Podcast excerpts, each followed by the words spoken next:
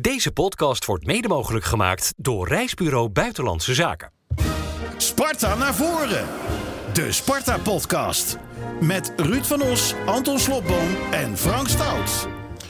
Nog altijd in een andere studio. Goeiedag allemaal. Leuk dat je weer kijkt naar Sparta naar voren. Met de directie van Sparta aan tafel. Dat eh, belooft eh, vuurwerk eh, vandaag. Met algemeen directeur Manfred Laros, technisch directeur Gerard Nijkamp, Ruud Anton. We zijn er klaar voor. Zijn de messen geslepen? Ben je al gebeld door Ajax? Zo.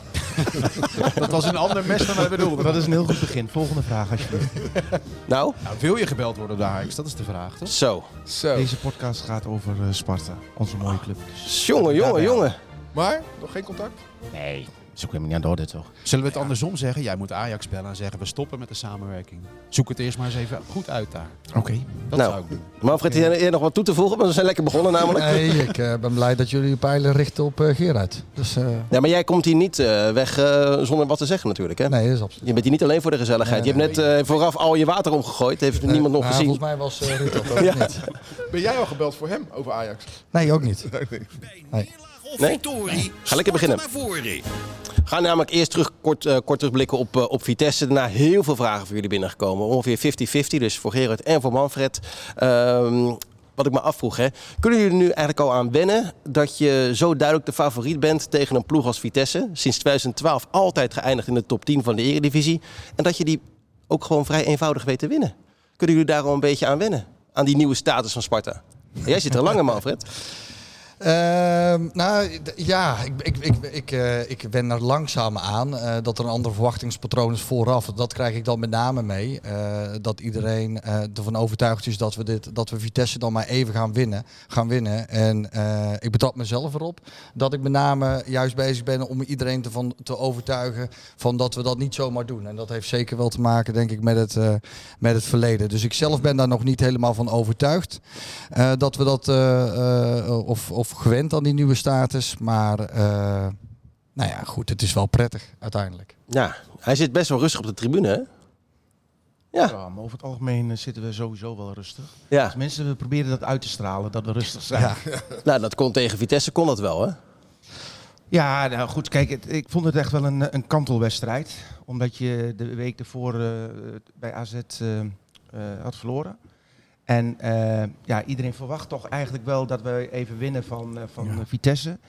Die in behoorlijk eh, zwaar weer zit. Slechts drie puntjes, de laatste drie wedstrijden niet gewonnen. En dan verwacht inmiddels iedereen toch maar even, en, en dat is denk ik misschien nog wel normaal, dat Sparta even wint van Vitesse. Maar zo is het natuurlijk niet. We doen het gelukkig wel met eh, eh, behoorlijk eh, eh, spel. Ik vind alleen dat wij het verschil veel sneller hadden moeten verdubbelen. Eh, waardoor we iets rustiger eh, eh, die wedstrijd konden uitkijken. Nou ja, het lag niet aan ons, toch? We hebben drie keer gescoord. Nee, dat, Ik heb alle lijntjes bekeken, maar ja, buitenspel, telt niet, Anton. in- was het buitenspel? Ja, als er daar mensen met verstand van zaken moet je tien minuten daar vanuit gaan zitten dan. kijken, dan geloof ik het ook Ja. maar. Ja, ik, eh, ik ga ervan uit. Ik ga daar ook niet meer eh, terug, eh, terugkijken. En eh, als de lijn er is gezet en het is buitenspel, we kunnen het toch niet meer terugdraaien. Nee, zo is het. Wat, Dus laten de- we energie stoppen in andere dingen. En de bal op de hand bij Saito bij de goal die we wel scoorden. Ja, ik vond dat ook geen panel trouwens. Nee, nee, nee, toen we wel scoorden. De, de- hij gaf de bal aan, aan Verschuren bij de Oh, 1-0. zo. Oké. De bal via zijn hand. Dat heb ik niet teruggekeken. Ja. nee, dat heb je dan weer net, net Ik heb, niet gezien, hè? eh, ik heb gecheckt, want Clay Rupetti, onze voormalige collega, was vierde man. En die zei van, dit is geconstateerd, eh, zei hij na afloop. Maar als de bal via het lichaam op de arm Ja. komt... en Ja. hij is dan in een natuurlijke eh, houding... dan is het geen hands. Maar hij kwam wel degelijk op zijn arm. Dus ik ben blij dat het eh, zo goed geconstateerd is. Dat was dan, dat was dan vergelijkbaar met eh Aaron Meijers, Heracles uit. Weet je Zo, inderdaad, ja. Ja? Daar hebben we ook ja. nog wel de discussie Ja. over gehad. Ja. Maar uiteindelijk was dat dezelfde verklaring. Precies. Kunnen we dat nog even, zeg? Hoe zaten we er toen in? Precies. toen, Kunnen we zat dat nog ik, even terughalen? toen zat ik wel iets onrustiger eh, op de tribune, Dat was die, ik laatste, zijn. die ja. laatste wedstrijd van het seizoen. Ja, eh, ja, absoluut. Maar hetzelfde. En het leuke aan Anton is, is dat hij er altijd heel erg rustig mee omgaat op de tribune, hè? Toch, Anton? Nee, helemaal niet. Ja, ik herken het verhaal ook helemaal niet. dat vingertje nog even. Nee? Nou, kijk, ik zou even ik- je telefoon eh, erbij pakken namelijk. Kijk, eh, man. Wat gaat er gebeuren? Kijk, dit is goed, hè? Ja, laten we ook, ik heb ook aan Gerard gestuurd. Ja, ja, ik heb het. eh, Zit hij? wat een emotie, eh, Anton. Echt, eh, zo ken ik jou helemaal niet. Is goed, hè? Ja, mooi toch? Op welke situatie reageer je hier? Ja, op allemaal. In één keer. Maar zo mooi, dat, dat vingertje zo van nee, nee, nee. Op de Dennis Neville kan jij het veel beter zien dan drie man die er veel dat- dichterbij staan. Dat, blijft, dat blijft me wel fascineren van supporters. Dat dat opstaan en roepen naar een scheidsrechter. Terwijl je weet, scheidsrechter gaat het nooit horen.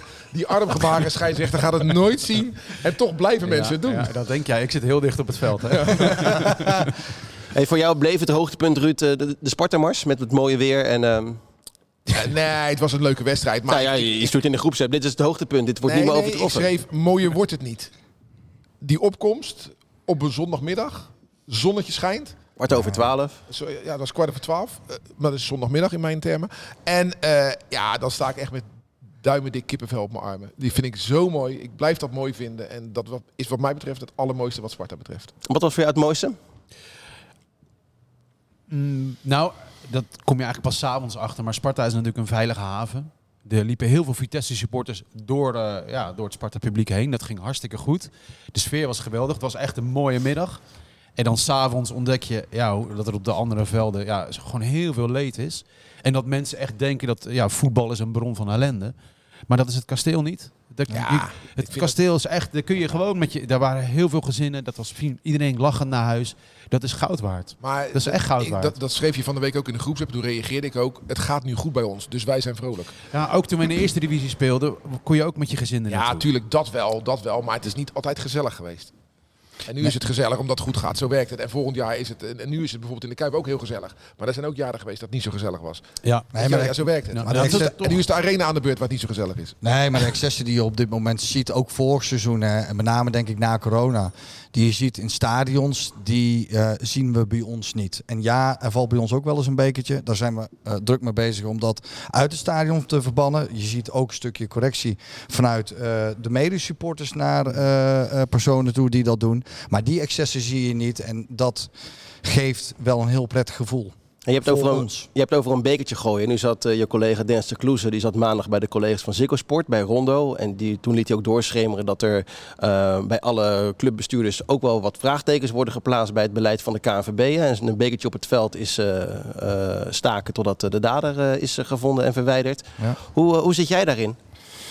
Nou, dat klopt. Want maandagochtend zijn wij met alle directeuren. We hadden reguliere overleg staan hoor. Maar het kwam in dit eh, geval kwam het wel eh, heel erg goed uit. Dus Dennis eh, heb ik maandagochtend ook ontmoet in, in, in Zeist. En is het natuurlijk gegaan over hetgeen wat er het afgelopen weekend is gebeurd. En met name even, kijk, vuurwerk op het veld en staken, daar is denk ik geen enkele discussie Nee, over. dat zei hij ook, ja. Dat kan niet, maar dat, dat bekertje op het veld, ja, het werkt wel in de praktijk. Want we zien dat er een enorme afname is van bekertjes op het veld.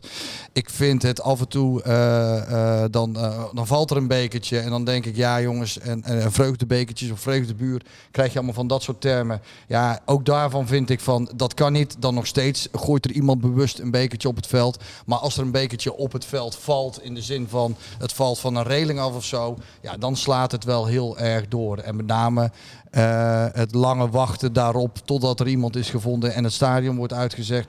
Ja, nogmaals, ik denk dan, eh, joh, moeten we dat niet op een andere manier in gaan vullen. En dat is ook afgelopen eh, maandag besproken. En de, direct- de directeuren die staan daar redelijk unaniem in, denk ik. Ja, die staan er redelijk unaniem En wat, in. gaan, we- wat is dan de consequentie? Wanneer gaan we iets Nou, de veranderd zien? Nou, de consequentie is dat we eh, meer de situatie moeten bekijken die er op dat moment is. En waarom valt dat bekertje op het veld? Neem niet weg als er daadwerkelijk bekertjes worden gegooid. En dat constateren we. Dan gaan we ons wel vasthouden aan de afspraken die er zijn. Want dat werkt. Maar het is natuurlijk ook een beetje, vind ik, voor de bühne dat directeuren hier tegen ageren. Want sinds dit beleid er is, wordt er toch veel minder met bekertjes gegooid. Dus Ja. dat heeft toch zin? Of zie ik het nou verkeerd? Ja, dat zeg ik ook. Ik zeg ook dat Dus- het wel dus- zin heeft. Eh, ja, dus ik vind het best gek als dan, dan heel hoog van de toren wordt geblazen van ja, dit is gek. Het, het werkt toch? Ja, maar nogmaals, ik denk dat er wel onderscheid is als er 15 bekertjes op het veld opgooien of er valt er per ongeluk eentje op het veld, eh, omdat iemand dicht bij de reling staat. En dan gaat het net iets te ver, wat mij betreft. Ik denk dat je dat echt wel mee moet nemen in de situatie. Aan wie is dat dan? Ik denk dat dat is aan de scheidsrechter samen met de club op dat moment, om daar een beslissing in te nemen en ook wel een stukje die situatie aanvoelen. Er zijn ook eh, heel veel vragen binnengekomen. Ik wil er alvast eentje nu behandelen, want die gaat over dit thema. Een vraag van Mike. Die vraagt, willen jullie extra risico's nemen door middel van netten voor het uitvak? Als bijvoorbeeld als Ajax langskomt of een andere club in crisis waar de fans bewust willen saboteren. Ja, op dit moment is dat niet nodig, maar als je aan de voorkant dit soort signalen zou krijgen, dan vind ik wel dat je het zou moeten overwegen. Maar om nu eh, permanent eh, netten bij ons eh, in het stadion op te hangen, daar ben ik op dit moment absoluut geen voorstander Je van. hebt het uitvak natuurlijk net laten verbouwen, verkleinen. Ja. Heb je wel al rails laten ophangen dat je daar netten kunt gaan hangen? Nee, we hebben rails opgehangen aan de zijkanten. Maar dat is naar aanleiding van een aantal wedstrijden waarin echt daadwerkelijk bekertjes naar de andere kant van eh, onze tribunes eh, vloog. Met name eh, op de Bok de Korverzijde maakten we dat mee. En eh, dus daar hangen eh, die rails, daar hangen die netten, maar aan de voorzijde vooralsnog niet. Gaan we terug naar eh, Sparta tegen Vitesse. Eh Nick Olij, natuurlijk een van de beste keepers van de Eredivisie, was een beetje zenuwachtig, eh, Gerard. Of, of heb je dat niet eh, zo ervaren? Nou, daar leek het er wel een beetje op, hè? Die eerste paas eh, die jij Ja. inleverde. Dat wordt dan gelijk gezegd dat het een hele grote kans is, maar dat vond ik wel heel erg meevallen. Rick Meijzen anticipeerde goed op de situatie. Daarna gleed hij uit, had meer met het veld te maken. Ehm, we zijn hartstikke blij met, eh, met ons veld. En ook wederom eh, dit, eh, dit seizoen. Maar het is toch wel steeds eh, een vak, om het zo maar te zeggen, om dat veld eh, optimaal te houden. Het eh, leed soms eh, een beetje glibberig. Ehm, ja, dus dat had het denk ik meer daarmee te maken dat... dat Hij was niet extra gespannen. Je hebt het niet met hem daarover gehad. nou, vergeet niet, het doet wel wat met zo'n eh, zo'n eh, jongen. Hè, die, eh, die vanuit de KKD komt, een geweldig jaar bij ons heeft gedraaid. Nu lijkt het weer de lijn door te zetten. En dan in één keer staat hij op de nominatie om geselecteerd te worden voor het Nederlands elftal. Ja, ga er maar aan staan. Ja. Dat gaat je niet zomaar even in de klauwen kleren. Is er een gelimiteerde transfersom waarvoor die weg zou mogen? Nee. Oké. Waar, moet- waar gaan we... Ja, dat ga, ik, ga jij niet zeggen, maar dat wil ik wel van deze mannen horen. Ja, nee, ja, ik, begint me een, keer een beetje Nee, nee, te leren maar- kennen. ja, ja. Maar er is naar buiten gebracht eh, m- via andere media dat er een gelimiteerde transfersom zou zijn. Maar dat is, ontken je dus. dat gezegd dan? Het maakt niet uit, maar het is, dit is gezegd. zal ik je helpen. Dat heeft Hugo Borst gezegd bij ESPN. Dat is nonsens. Ja, Hu- Hugo kent blijkbaar onze contracten. Maar ik moet helaas wederom, ook wederom tegen Hugo zeggen, het is niet waar. Nou, ik ben, ik ben blij dat het niet waar is. Maar Ruud, voor welk, als jij TD zou zijn, dan je, je helpt Gerard een klein beetje. Voor welk- 23 miljoen. Nee, Oh, dat is ook weinig. nee, nee, nee. Nee, maar als je zo'n goede keeper bent, dan, dan kan je toch tussen de 5 en 10 miljoen gaan denken. Dat denk ik ook. ik toch niks geks. Nee hoor, lijkt mij ook. Hebben jullie... Hele, hele vette worst. Ja. Jij zegt het. Jij zegt het. Hey, maar ik wil even wel zeggen Mhm. dat wij Sparta Rotterdam zijn. Ja, Wij, dus? wij zijn zelfs een beetje eh, niet helemaal euforisch eh, afgelopen zondag, omdat we slechts met 1-0 winnen van Vitesse. Eh, dat kan. Je hebt zelfs eh, in, je eh, inleiding aangegeven dat Vitesse eh, de laatste jaren heel goed gepresteerd heeft. Beter dan, dan onze club. Maar laten we wel realistisch zijn waar wij staan in het, in voetballandschap. Ten opzichte van de waarde van onze spelers. En dat we daar niet straks teleurgesteld over zijn dat de speler dan voor een bepaald bedrag weggaat. Dat er weer hele hoon over ons heen gaat komen van ah, maar dat kan toch niet minder dan 10 miljoen. Hoe is dat toch mogelijk? Dit heet indekken. Is dat zo? Ja. Nou, dan, eh, dan neem ik dat mee uit het eh, oosten van het land. Nee, maar jij, jij zegt dus nu van ja, eh, wees niet teleurgesteld als we dadelijk maar 4 miljoen krijgen voor Olij. Zeg je tussen Nou, door eigenlijk. nee, nee, dat, Dat, dat, dat haal ik eruit. ja, maar dat bedrag noemt hij niet. Nee, nee, nee, nee. Ik zeg, Nee. wat, ik, ik zeg Nee. wat ik eruit haal. Oké. nou ja, daar zit jij goed. Zou het kunnen Ik, dat hij in de winterstop al gaat? Stel je dat Alles stel je voor dat hij oranje haalt. Alles kan. Maar Er worden echt keepers gezocht op dit moment. Kijk, eh, ook dat. eh, eh, wij wij eh, zijn met een ontwikkeling bezig. Hè. We willen eh, onze doelstelling eh, nastreven en behalen. En zelfs meer dan dat. We hebben ook een, een ambitie. Wat is uitgesproken. Maar we moeten ook door naar eh, de jaren erop. En, en soms hoort daar gewoon bij om iemand eh, al in de winterstop te verkopen. Sven Meijnans hebben hetzelfde gedaan. En dat heeft ons comfort gegeven afgelopen zomer. Ehm, dus eh, ja, wij, wij kijken daar zeker naar. Maar ik, ik, begrijp best En dat, of dat nou Nick Olij is of iemand anders binnen de selectie. Ik begrijp best dat spelers van Ajax, PSV en Feyenoord voor hoge bedragen weggaan. Die, die zijn in Europa te zien. Dat zijn ook regelmatig internationals. Maar ik heb ook wel eens Herenveen een speler voor meer dan 10 miljoen zien verkopen. Dus, dus dat is een club die ongeveer in onze buurt staat nu. Oké, zij staan al wat langer in dat linkerrijtje. Nee. Wij komen jij schudt nee? Jij vindt niet Heerenveen in de buurt? Heerenveen, eh, noem daar Twente bij, noem daar Vitesse bij. Die hebben eigenlijk al een, eh, een eerdere stap gezet. Kijk, die hebben al een keer een, een, een transfer gemaakt van 10 miljoen plus. En dat moet je toch een paar keer doen, hè, of daar naartoe eh, groeien, om vervolgens zelf ook ja, eh, regelmatig dat soort transfers. Zoals bijvoorbeeld een Groningen met Sant Larsen. Die verkopen ze voor 10, 11 miljoen naar. Celta de Vigo. Twente in het verleden. eh eh, hoe Heerenveen en dat, Joeke, eh, die ging naar. Moskou. Ja, dat is, op dat geld moeten ze nog steeds wachten geloof ik. Maar Saar Ja. Heerenveen, 12 miljoen. Nee, maar eens, eens, je zegt, je moet een keer zo'n transfer maken. Ja, Ja. dan zou Olij de eerste kunnen zijn. Ehm, Die voor dat bedrag dan weggaat. Het zou kunnen. Hey, eh, een, een, aantal, een aantal vraagjes eh, gewoon wat over spelers eh, gerelateerd. Wat zit er in die gleuf? Tijd voor de post. En over jullie ook, want we hebben het net over een, een clausule. Nou wil eh, even kijken, Semper weten, trouwe luisteraar. Hebben jullie eigenlijk een clausule in je contract? Denk jij niet, eh, Manfred, anders was je misschien al lang een keertje weg eh, gegaan. Nee, ik heb geen contract voor het clausule. leven. Heb jij een, contract, een clausule in je contract, eh, Gerard? Ik zou het niet weten. Ik moet echt eens even terugkijken hoe mijn contract er precies uitziet. Misschien kan Manfred daar nog antwoorden. Ja. Wat, is het, wat is de clausule van Gerard en Manfred? Ik denk eh, dat eh, wat je ziet in betaald voetballand bij trainers, technisch directeuren, overigens ook veel bij algemeen directeuren, niet bij de algemeen directeur van Sparta Rotterdam, dat daar wel afspraken zijn gemaakt. Omdat het, eh, omdat het publieksgevoelige, supportersgevoelige, nee, resultaatgevoelige eh, eh, functies zijn, waarop het zomaar kan zijn dat er op een moment geen draagvlak meer is. En de club dient zich daarin te beschermen. En dat doen wij op die functies, zoals we dat bij Maurice bijvoorbeeld hebben gedaan. Eh, iedereen vond het uiteindelijk heel erg teleurstellend dat Ajax hem zomaar weg kon kopen. Ik denk dat een topclub dat zou kunnen, maar alles wat daaronder zit, kan dat niet. Dus ja, wij beschermen ons zelf. Wij beschermen ook de waarde van dergelijke functionarissen tot een bepaalde hoogte. Want als bepaalde clubs komen, bijvoorbeeld Ajax voor Maurice, ja, dan is er geen houden aan. Dan maakt het bedrag ook niet meer uit wat erin staat. Duidelijk, duidelijk. Eh, Boas wil heel graag weten, heb je Pinto nou een hand gegeven?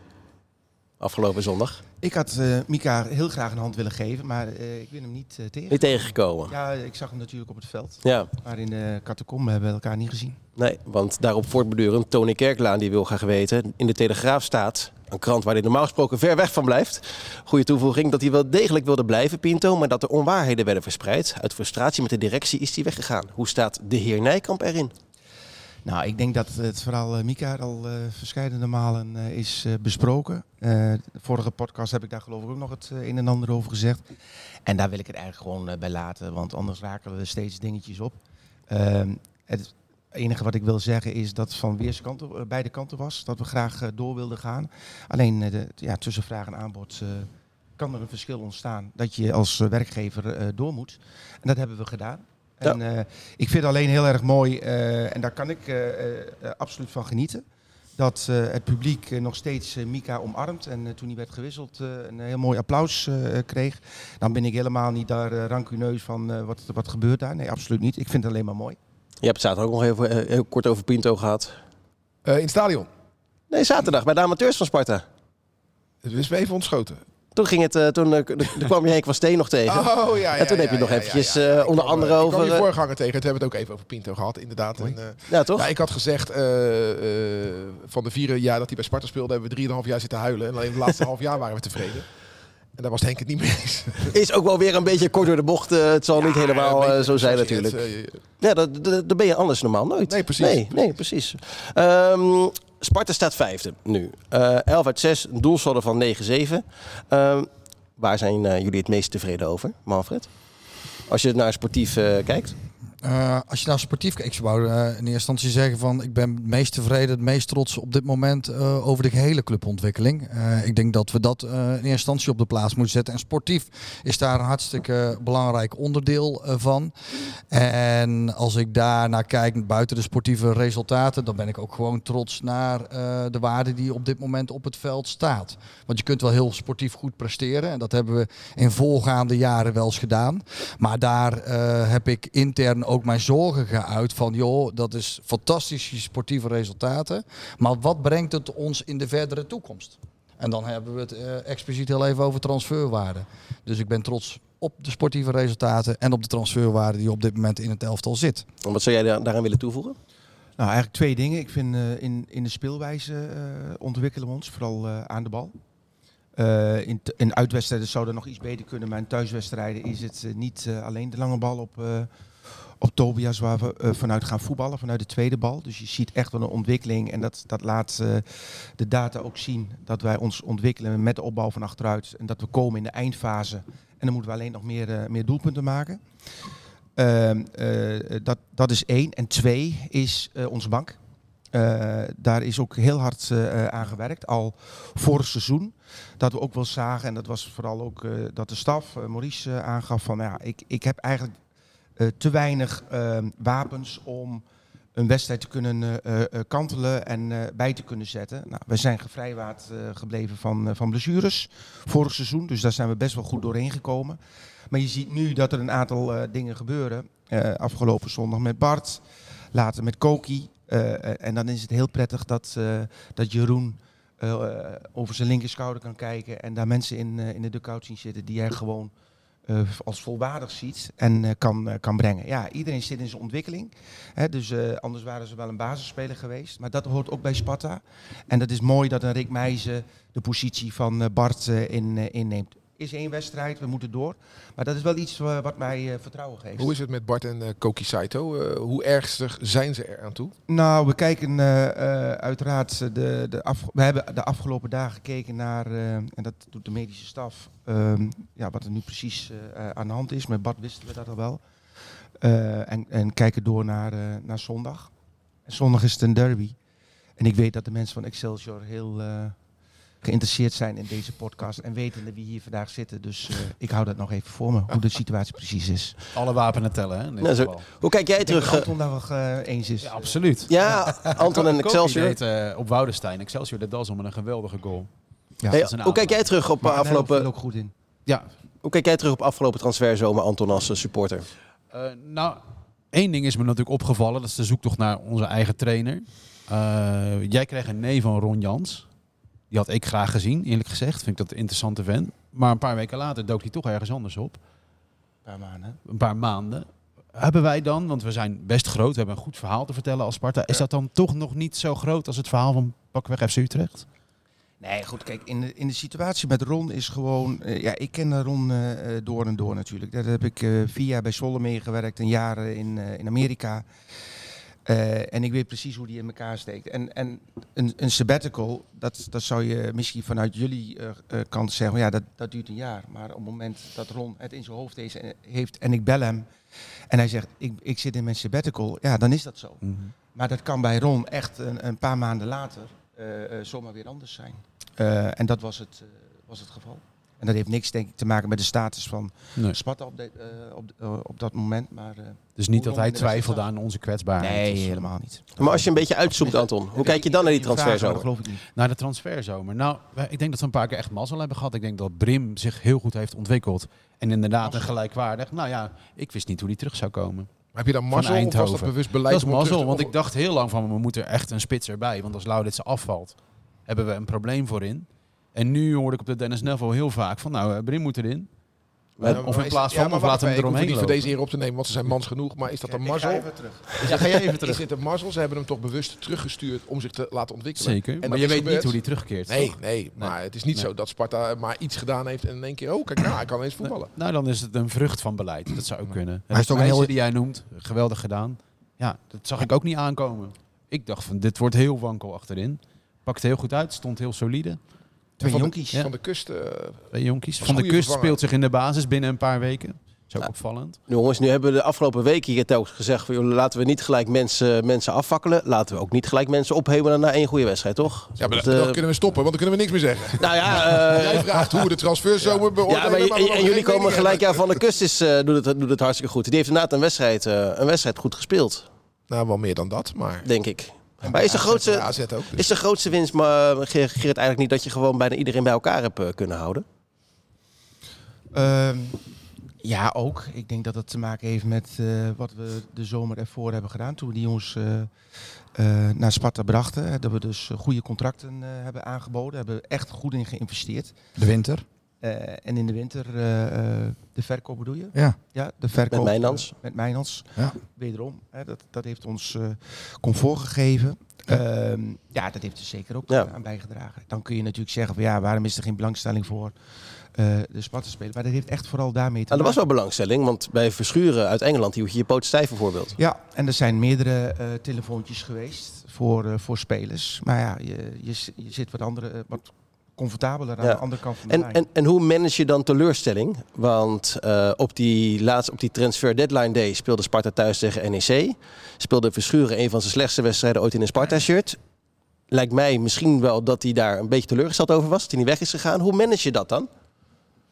Nou, ten eerste is eh, wat we net over Nicolai zeiden met betrekking tot het Nederlands elftal voor selectie. Ja, het is mensenwerk, hè. Zijn- maar ga je dan met hem zitten? Ga je lekker Ja, eh, ik- paintballen? Ik heb in, in een eerder stadium ehm, met, ehm, met hem gezeten, met Arno. En eh, over de situatie gesproken. En ook gewoon gezegd van hoe wij in, in, in de wedstrijd zitten. Ja, en, en daar kun je het over eens zijn of niet. Maar wel gewoon vertellen vanuit onze kant. Eh, En daar is Manfred trouwens ook nog een keer bij aangesloten. Want soms willen spelers, ja, die zitten eh, wat anders in de wedstrijd. En het is maar goed dat je dat vanuit twee kanten dan eh, vertelt. Dan is het eh, eh, beter. Ehm, maar ja, eh, we moeten door. En, die jongens zijn ook doorgegaan. Waarom moet daar een algemeen directeur bij zitten? Loopt dat dan zo hoog op? Dat... Nee, we- ja, dat is de manier hoe wij eh, beleid geven aan deze club. Hoe we deze club eh, runnen. Ik zit ook bij gesprekken die, eh, die Manfred voerde op het moment dat eh, Ja. het niet eh, de techniek. Wij, wij hebben niet zoiets van eh, ik doe alleen maar de techniek en ik bemoei me niet met anderen. Manfred zit niet alleen maar aan de algemene financiële, commerciële kant en doet, zegt niks over Mhm. eh, te- eh, de techniek. Even in de microfoon alsjeblieft, Gerard. Maar als, Ja. maar als jij, als, waar reken jij hem op af? Want hoeveel procent van zijn aankopen moet goed zijn? Wat is, wat is reëel? Want, tegenover een aantal successen kan je ook zeggen dat een aantal spelers het niet of nog niet brengt. Nee, dat klopt. Ik vind het heel lastig om daar een percentage aan te hangen, Ruud. Ik denk eh, dat daar ook een heel voortraject aan zit. Van joh, eh, wat is je idee?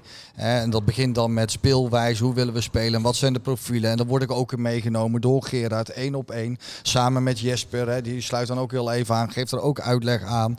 Nou, vervolgens zie je scoutingslijsten. Dan zie je eh, wat er allemaal is gepoogd om bepaalde spelers binnen te halen, niet binnen te halen. Wat niet lukt, moeten we ook weten, moeten we ook eh, eh, proberen te begrijpen.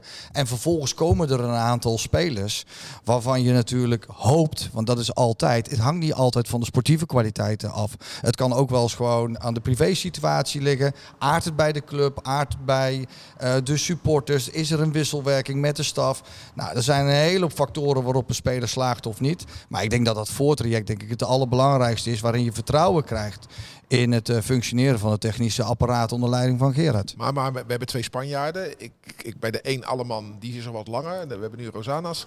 Ik heb het gevoel dat dat geen succesnummers gaan worden. Maar dat is mijn gevoel. Ik hoor heel goede Nee, dingen over maar, allemaal. maar Ruud, aan het eind van de dag ben jij toch ook gewoon supporter van de club? Ja, de- inderdaad. Dus jij mag dat gewoon Ja, we hebben ook een filmpje van jou. En, en, en, en, als, en als Rick Meijzen niet eh, eh, had gespeeld afgelopen eh, zondag, hadden we misschien Rick Meijzen hier ook eh, benoemd. Nee, maar allemaal... Maar iedereen neemt een bepaalde positie in de selectie.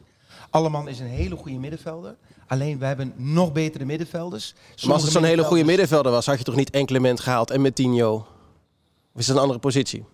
Nee, dus je, je, doordat je met zo'n jongen gaat werken, wat Manfred ook een beetje aangeeft, kom je er ook achter van dat eh, de ontwikkeling van bepaalde spelers ook niet van die aard zijn. Ja. Dat Du- wij, dus is het eh, toch niet zo'n goede aankoop nog- geweest? Sorry? Du- Dus is het toch niet zo'n goede aankoop geweest? Dat mag, hè? Want je hebt heel veel goede dingen, Ja, goede spelers gehaald. Ja. Het kan ook zijn dat de anderen zich zo doorontwikkelen dat eh, iemand eh, eh, achterblijft. En aan de andere kant eh, eh, zit van het niveau van die, eh, van die middenvelders.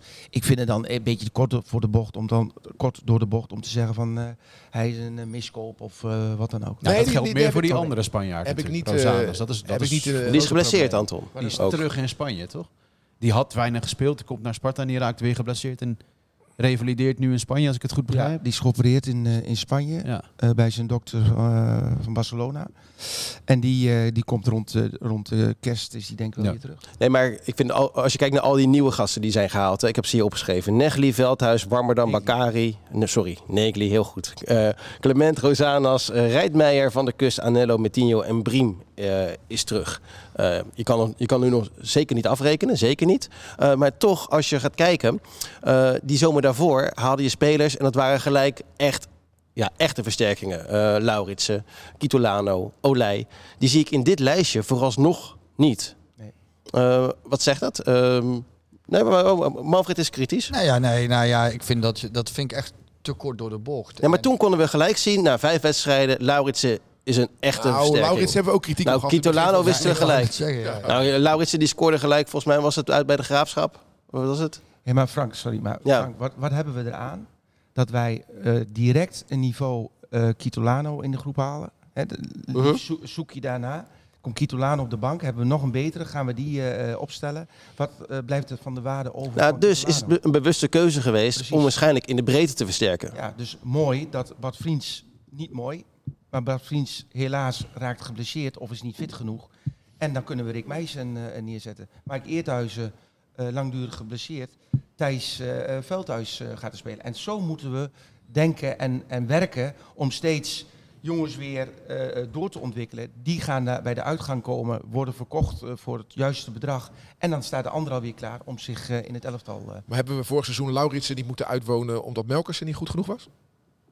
Eh, nee, want eh, eh, Maurice vond nog steeds Tobias van de waarde van Tobias van Dienaard in de eindfase met zijn kopkracht om zo lang mogelijk eh, op te stellen. Maar op, een gegeven, meer maar dan op een gegeven moment kwam iedereen erin behalve Melkersen.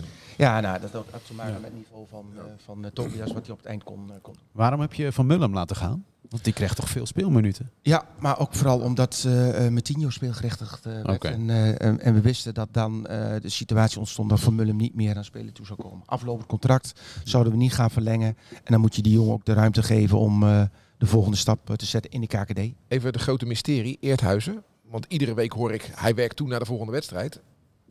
Maar we zien hem niet. Nou, dat, dat komt niet van ons. Want eh, hij heeft een eh, dusdanige blessure, wat een dusdanige eh, revalidatie vraagt. Waar we heel voorzichtig mee moeten zijn om niet voor een heel seizoen te verliezen. Wat elke week wordt gemonitord. Dat zal niet gezegd zijn vanuit onze kant, neem ik aan. Maar goed, ik ben even een paar weken op vakantie geweest. Dus kan mij iets onglipt Nee, ik heb hem gesproken na die oefenwedstrijd op de familiedag. Ik weet niet meer tegen wie, eh, tegen wie het was, maar RKC. RKC inderdaad. En toen sprak ik hem in, dat, tra- in het trappenhuis en zei hij... nou, bij Fey- tegen Feyenoord wil ik wel weer op de bank zitten. Ja, en dat, dat zag er ook naar uit. Ja. Alleen eh, eh, onderweg eh, ja, is er toch weer een, een terugval geweest. En, en dat, nogmaals, dat monitoren we elke week. Om hem hopelijk zo snel mogelijk weer bij die selectie te krijgen. Vergeet niet dat hij dan ook nog tijd nodig heeft om echt fit te worden. Conditioneel eh, fit te worden. Dus eh, we zijn eh, extra blij dat Thijs het gewoon heel goed doet. Maar durf je iets te zeggen? Oktober, november? Nee, dat, dat is heel lastig. Ook om privacy redenen eh, mag ik dat eigenlijk niet, eh, niet doen. Maar het heeft ook geen zin. Eh, we moeten daar niet eh, extra druk op, op zetten. Ik vind het wel bijzonder hoor. Zonder Sambo, Natuurlijk. zonder Pinto, zonder Vriends, Zonder oude Sar, zonder Awassar, zonder Eerthuizen. Abels. En dan eh, gewoon overeind blijven. En eh, gewoon zondag nul goals tegen. Dat blijf ik echt bijzonder vinden. Nou, de tegen- vraag is natuurlijk, wat zit er dan achter Veldhuis als dat fout gaat? Ja, Ja, maar zo kan je... dan moet je Ja, maar negen centrale Het is, verdedigers het is toch fragiel? Dan gaan we naar de Ja. jeugd, hè? Dan gaan we naar eh, jong, eh, jong Sparta. Dat is altijd, denk ik. Ehm, ik had nog een vraagje over Vitor van Krooij. Er gingen verhalen dat hij voor 2, 3 miljoen eh, verkocht was. Het lijkt me een beetje eh, positief, denk ik. Mooie bedragen zijn Ja, dat zouden hele mooie bedragen zijn. Is niet aan de orde, toch? dat zijn de bedragen. Wat Ja. Waarom mogen we het niet Nee, weten? maar, maar ik weet dat dat niet zo is. Nee, toch? Ik denk dat eh, als het ongeveer een miljoen is, zeggen we niks geks. Lijkt mij. Vraagteken, Gerard? Zeggen we niks geks, hè? Ja, dat is- Nee, het wordt hier al, negen. Precies. Maar heb jij spijt van je woorden gehad als het over Van Krooi gaat? Daar komt hij hoor. Dat jullie trots waren. Dat jullie de eerste Nederlandse club zijn die een eh, speler hebben verkocht aan een club uit het eh, Midden-Oosten. Ik moet zeggen dat. eh, nou ja, goed, ik, ik, ik kan er hierop eh, eh, terugkomen. Soms sta je voor een camera en dan eh, ehm, ga je van de ene naar de andere. En dan zit je in, in, in een vibe, of hoe je het maar wil noemen, en dat je dingen zegt. Eh, ik bedoelde uiteraard niet dat ik trots ben om een speler te verkopen aan het land Saoedi-Arabië. Met alle problematieken die, eh, die er zijn en hoe naar de mensenrechten wordt, eh, wordt gekeken. Maar het is wel een voetbalmarkt. En het is een nieuwe voetbalmarkt. waar wij dus in staat zijn om ook een speler aan te verkopen. Eh, en wij zijn ook nog niet in, in, in staat om te zeggen van ja, wij als Sparta doen dat niet, willen dat niet. Eh, moreel kunnen we dat niet. Eh, wat voor woorden je er maar aan, aan toe willen voegen. Want zover zijn we met Sparta ook nog niet. En ja, het land is gewoon open. Zoals ook China open is, zoals ook Rusland open is. Qatar, waar het nodig over is gezegd. Ehm, vandaar. Maar het is, ik moest misschien het woord gebruiken dat het bijzonder was. Wat niks te maken heeft met het land. Want over het land hebben we geen discussie. Daar denk ik precies hetzelfde over. Nou, En het Ja? gaat, het, ja, inderdaad, het gaat denk ik over de transfer aan zich. En daaraan toevoegend, speler wilde heel graag daar naartoe. Ja, nou, heeft daar ook gewoon ook een eigen verantwoordelijkheid in te dragen. Want wij kunnen wel een speler verkopen. Maar eh, de speler betaal- bepaalt altijd nog zelf. Ja, nou, dat is een plausibele verklaring, toch, eh, Anton? Ja, nou we zeiden al in onze podcast al, Slip of the dit- tong. dit- ja, dat was Ja. een slip of the tong. Dit was Ja, niet, kan dat toch? ging niet daarover. Willen jullie nog ergens op terugkomen rondom Sparta Vitesse? Anders ga ik naar de Spartaan van de Week. Nee, ga maar lekker door, Tom. De Spartaan van de week. Anton, ik ga, eh, want jij hebt weer je papiertje voorgeschreven. Ik neem aan dat er een goede Spartaan van de Week tussen zit. Nou, ooit, eh, ik, ik twijfel hier een beetje over, maar de derby komt eraan. Ja, is voor supporters echt een zalige wedstrijd. En als het goed gaat, is dat misschien wel de mooiste van het jaar. Eh, ooit heeft iemand een keer daar de middenstip ontvreemd. Een Spartaan. En dat mag absoluut niet. Maar het Maar- derbygevoel, ja. dat, ik kan hem ook geen Spartaan van de week noemen. Maar ik hou er wel van een beetje rivaliteit. Het mooie is, misschien kun jij dat uitleggen, er is weer vrij vervoer voor supporters. Hè, die wedstrijd was eh, lang gesloten. De- Nou, vorig jaar was het echt een bolwerk van politie, maar nu kun je er weer gewoon naartoe. Ja. Eh, dus we normaliseren ook nog een beetje. Maar op het veld moeten we het mes tussen de tanden nemen.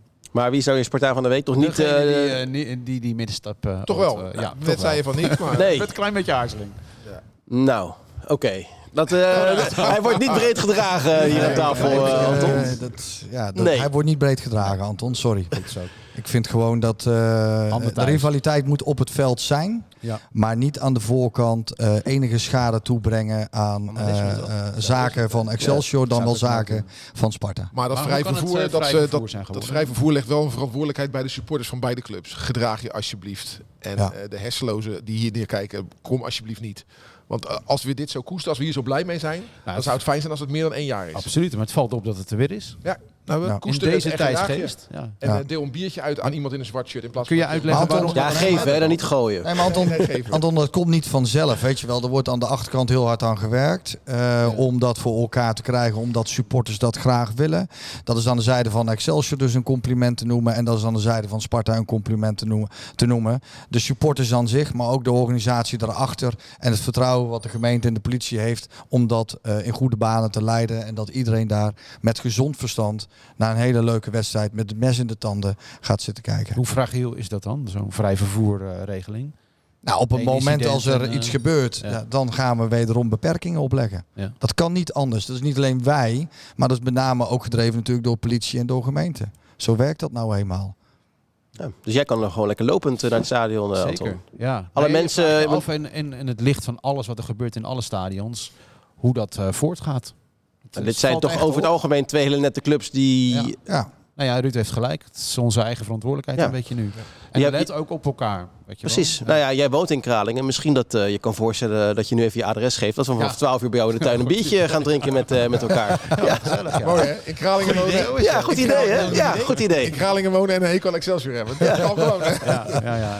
Wie, eh, aan de kant van het uitvak, hè? Wie mag ik jullie eh, het woord geven over Spartaan van de Week? Want jij hebt erover nagedacht, eh, Manfred. Jullie zijn trouwe luisteraars of kijkers Ja. van de podcast. nou ja, goed, de namen werden zojuist al een paar keer genoemd. Ik vond ons centrale duo, Veldhuis en eh Meijsen, vond ik echt eh, fantastisch. In de zin dat zij daar met z'n tweeën stonden. Dat zij een legacy hebben op te volgen in de zin van Vriends, Ouwessaar en Eerthuizen noemen we daar ook nu eh, heel makkelijk achter. Die is ook volgens mij pas vorig jaar, eh, voor afgelopen seizoen, januari eh 22, is die pas echt eh, eh, in de basis gekomen. En als zij dat dan met z'n tweeën zo invullen, dan eh, ben ik daar ontzettend trots op. En zijn dat mijn Spartanen van de week. Ruud? Ik ging voor Meijsen. In de warming-up horen dat je moet spelen. Hij zal best wel van tevoren al een heads-up hebben gehad. Van joh, het zou kunnen fout gaan met Bart. Hou er rekening mee. Maar toch, jonge jongen, wat, wat Manfred zegt. En, eh, en dan toch zo staan en gewoon een de nul houden. Prima. Is hij dan eh, zo'n speler die op basis van data is, eh, is, eh, voor- als eerste is gescout? Of hadden jullie hem eens miezen in de KKD? Nou, we, we kijken altijd, ongeacht data, kijken we natuurlijk naar de KKD. Zit, er zit er altijd een scout van Sparta bij een wedstrijd eh, van de KKD op de Nee, we tribune? kijken wel echt gericht. We kijken niet gewoon algemeen. We kijken echt eh, eh, gericht naar, naar spelers. Hoeft niet altijd live in het stadion te zijn. We kunnen ook een schakelkanaal. Maar schouwkanaal zie je niet zoveel, denk ik. hè? Nee, maar goed, je krijgt wel heel snel eh fladden. En soms heb je Ja. jongens al een beetje op de korrel. En dan, dan zie je wel een beeld. Of je kijkt de volgende dag terug op Wisecout.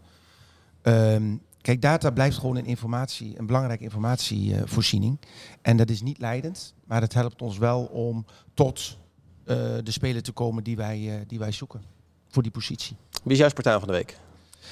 Nou, ik vind echt wel eh, dat we eh, Jeroen Rijsdijk eh, een keer eh, mogen benoemen. Hij heeft toch eh, een, een, een erfenis van, eh, van Maurice eh, moeten eh, overnemen. Er was best wel eh, wat, eh, wat twijfel eh, misschien eh, over. Niet, niet bij ons, maar wel eh, eh, in ons, eh, om ons heen. En eh, tot nu toe eh, doet hij het eigenlijk eh, eh, fantastisch. Uiteraard met zijn staf. Eh, in de communicatie eh, zie je hem ook eh, steeds beter, beter worden. Het is een, een, een, een leerervaringsvak. En dat laat Jeroen nu al heel mooi, mooi zien. Dus ik vind echt wel dat we Jeroen eens een keer mogen benoemen. En op welke vlakken zie je dat hij nu stappen maakt? Nu, nu een wedstrijdje of vijf, zes Nou ja, goed, ik wist dat hij gewoon op het veld uitstekend is in de voorbereiding. eh, zijn staf meenemen, dus echt een beetje de moderne hoofdtrainer. Maar eh, een heel groot deel van het vak is ook hoe ga je om met het omveld. Eh, lees eh, media. En hoe vertegenwoordig je Nou, niet daar- alleen media, denk ik, toch? Nee, maar hoe vertegenwoordig je ook de club naar buiten toe? Hoe gaan de supporters, hoe kijken die naar je? Sponsoren, naar alle eh, stakeholders die daarmee te maken hebben. En, en, en Jeroen weet dat hij ook nog een aantal stappen te zetten heeft. Maar nogmaals, het is een leren ervaringsvak. Eh, waar hij niet heel mooie stappen aan het zetten is. En wat, eh, wat alleen maar tot eh, tevredenheid zorgt. Daarover gesproken. Wat zit er in die gleuf? Tijd voor de post. was een vraag over Jeroen binnengekomen van eh, JC de Geus. Eh, waarom draagt Jeroen Rijsdijk niet het gebruikelijke Sparta-kostuum? Die doet afbreuk aan het Sparta-imago. Nou, modepolitie, geef het antwoord maar.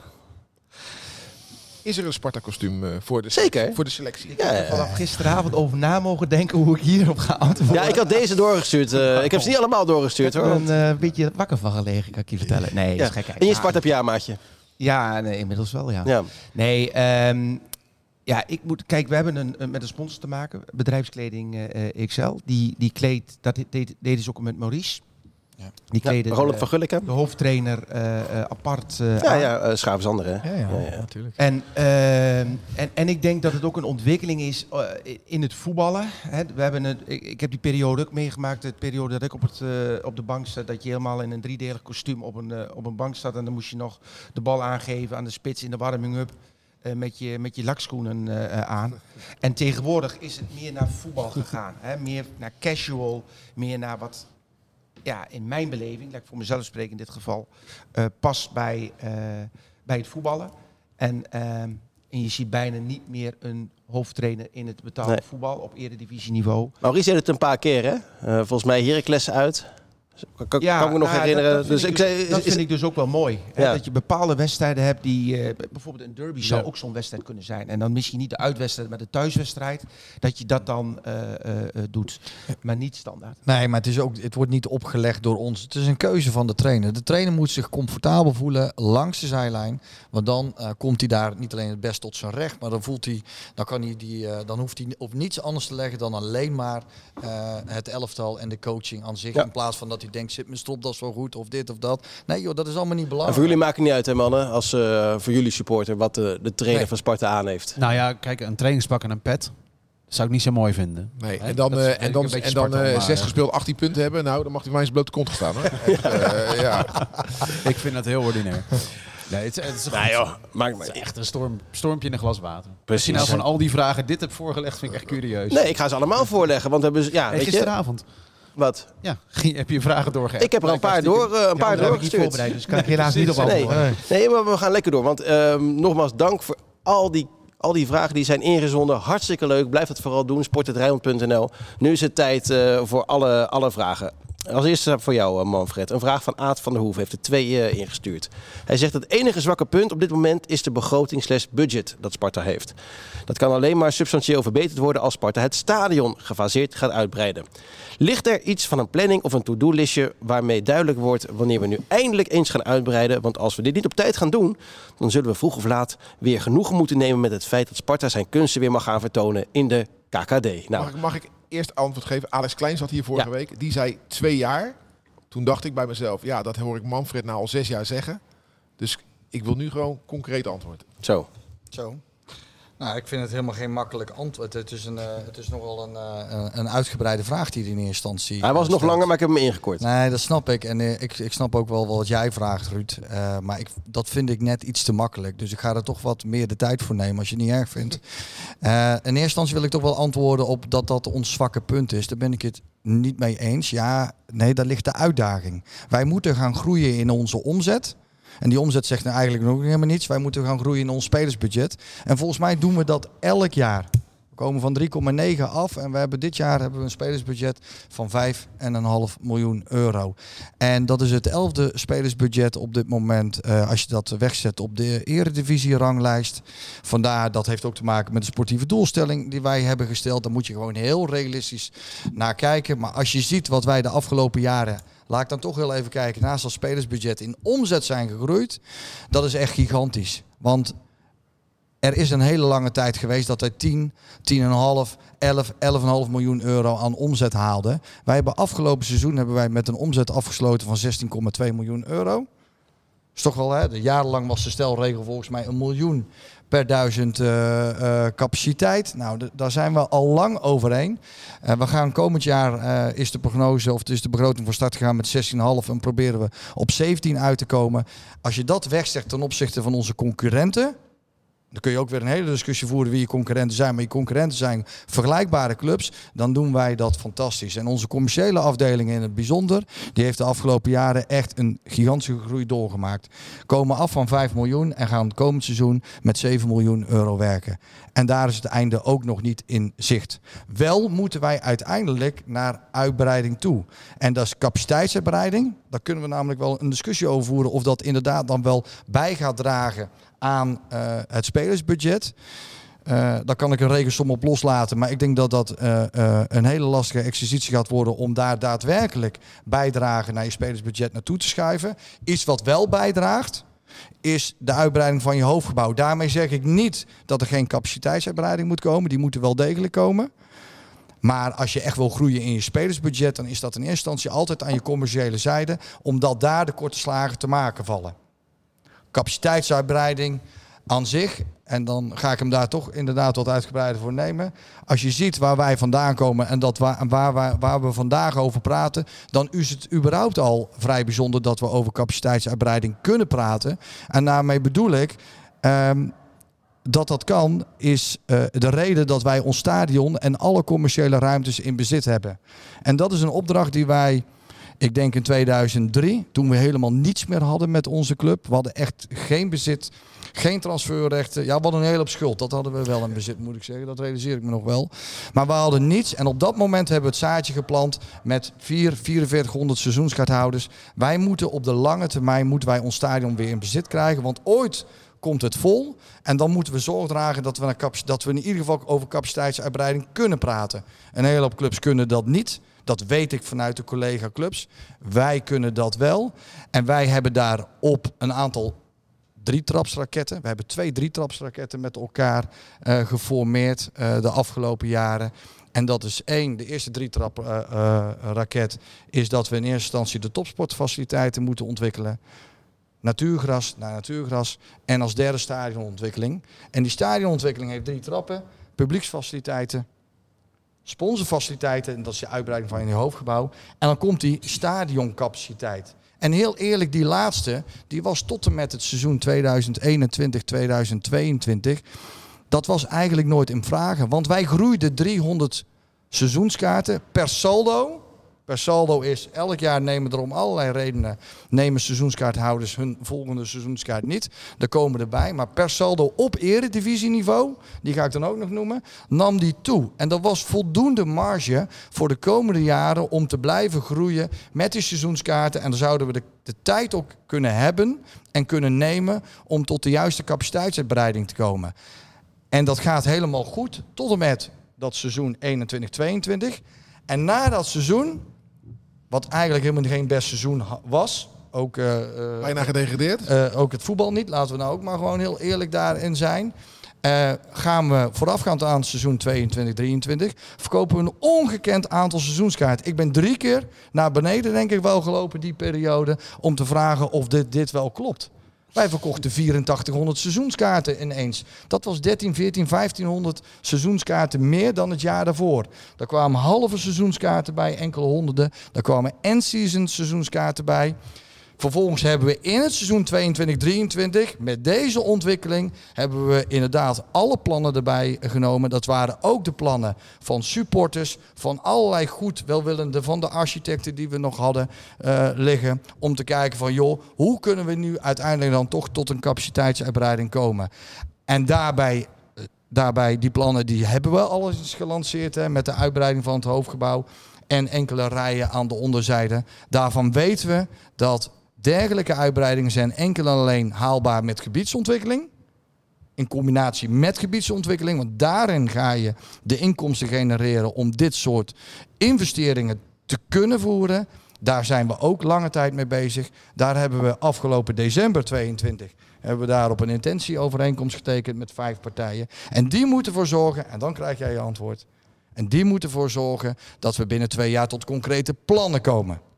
En dan kan iedereen zeggen, dus dat betekent dat we nog twee jaar in deze capaciteit nog bivakeren. Ja, want stadionuitbreiding, kijk nu om je heen. En in Zuid weten ze er alles van. Hoe complex dat is, dat, is dat, dat kun je je bijna niet voorstellen. En dat kan niet anders dan met de gemeente in combinatie met de gebiedsontwikkeling. En dat hebben ze op Zuid hebben ze dat ook geprobeerd. Of er moet morgen iemand opstaan en die zegt van joh, ik ga het voor jullie betalen. Maar die persoon heb ik nog niet gevonden. Maar je zegt twee jaar en dan zitten we nog in deze situatie. Maar als er over twee jaar pas plannen zijn, dan zit je dus nog vier tot zes jaar in deze situatie. Nou, dat, Want pla- dat, als er plannen zijn, zijn ze niet gelijk uitgevoerd. Nee, maar dat, dat ben ik zeker met je eens. Dat ben ik helemaal met je eens. Maar alles heeft een aanloop. Planontwikkeling heeft een aanloop. Daar zijn we nu al mee bezig. Dat is niet iets, of daar zijn we de afgelopen maanden al mee bezig. En dat heeft zijn, eh, heeft zijn aanloop. En vervolgens de realisatie, dat start natuurlijk ook eerder. Dat wil niet zeggen dat je over twee jaar of binnen twee jaar een paal in de grond hebt staan. Maar het geeft er wel nog maar eens een keer aan hoe complex dit is. En dat is het echt. En ik wil niet anders dan, eh, ik wil niets lievers dan morgen naar capaciteitsuitbreiding gaan. Nogmaals, omdat nee, verkopen, dat vind ik verschrikkelijk. Dat is ook voor het eerst sinds 2022, 2023 komt dit aan de orde.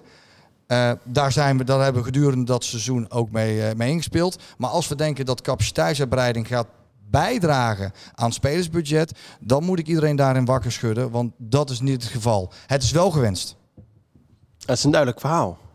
Ja, kijk, als je kijkt naar de plannen voor Rotterdam-West, dat wordt helemaal volgebouwd de komende tientallen jaren. Er komen gigantisch veel woningen bij. Veel jong publiek, veel nieuw publiek als Sparta levendig wil blijven. En jeugd, dat, dat, dat zijn onze nieuwe mensen. Dus we zullen ze moeten gaan huisvesten, ook al zijn het gewone seizoenskaarten. Ik weet dat de, de gewone seizoenkaart levert niet zoveel op voor Sparta. Maar het zijn wel de mensen die de club levend houden. Dus daar, als je echt vooruit kijkt, moet je ja, naar die, ontwi- die ontwikkeling is heel serieus. Maar we zitten hier zojuist kop koffie te denken. En, we- en dan kijken we hier naar buiten. Wat er allemaal gebeurt op dit moment in Rotterdam. Rotterdam heeft de opdracht om tienduizenden woningen bij te krijgen. Onze burgemeester heeft nog in een, volgens mij in een podcast gezeten. Waarin hij het had over het Sparta-stadionnetje. Nou, daar heeft hij een appje van mij eh, over gehad. Daar eh, bood hij natuurlijk zijn excuus aan. En hij zei van, ja, dat moet je wat anders zien. En ik bedoel het niet dat het een stadionnetje moet blijven. Ik zeg, nee, inderdaad. Als jullie, als we groeien als stad, dan zul je uiteindelijk ook wat met je amusement moeten doen. En dat betekent kroegen, dat betekent restaurants, dat betekent theater. Voor je het weet krijgen we een nieuwe, nieuwe Luxor eh, weer eh, hier in deze stad. Want dan is die ook te klein. Maar dat betekent ook dat je met het voetbal, die zul je ook zijn capaciteit moeten laten uitbreiden. En capaciteitsuitbreiding bij clubs. Kijk naar al die clubs. Daar moet de gemeente gaan helpen. Want we, en dat is ook bekend, zijn niet be- be- be- welkom in de markt. Nou, wat je wel merkt, dat merk je bij Feyenoord, dat merk je bij Excelsior ook en ook bij Sparta. Er is heel veel gepraat en het wordt niet concreet als het gaat over nieuwe stadions.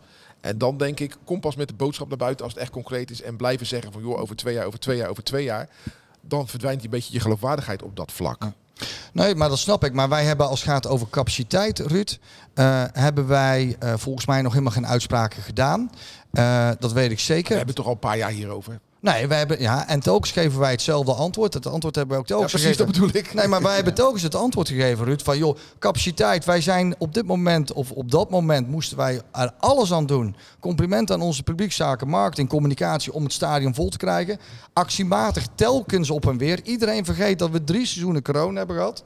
1920, 2021, 21, 22 was het helemaal niet aan de orde. Laten we ook heel eerlijk zijn. Daarvoor hadden we allerlei acties nodig om dat stadion vol te krijgen. Dat werd steeds minder, maar we hadden nog steeds eh, die acties nog steeds nodig. Wel hebben wij het gehad over gebiedsontwikkeling. Dat hebben we ook meerdere malen geschreven. Dat hebben we ook meerdere malen uitgelegd. Omdat wij gebiedsontwikkeling de enige mogelijkheid zagen om daadwerkelijk funding op te halen. Om tot essentiële verandering te komen van Sparta Stadion. Je hoofdgebouw in combinatie met andere uitbreidingen, waaronder de capaciteit. Daar hebben wij over gesproken. Gebiedsontwikkeling. Maar ik heb nooit genoemd eh, van joh, we gaan het stadion binnen nu en twee jaar met 2000 vergroten. Ja, het is een wens.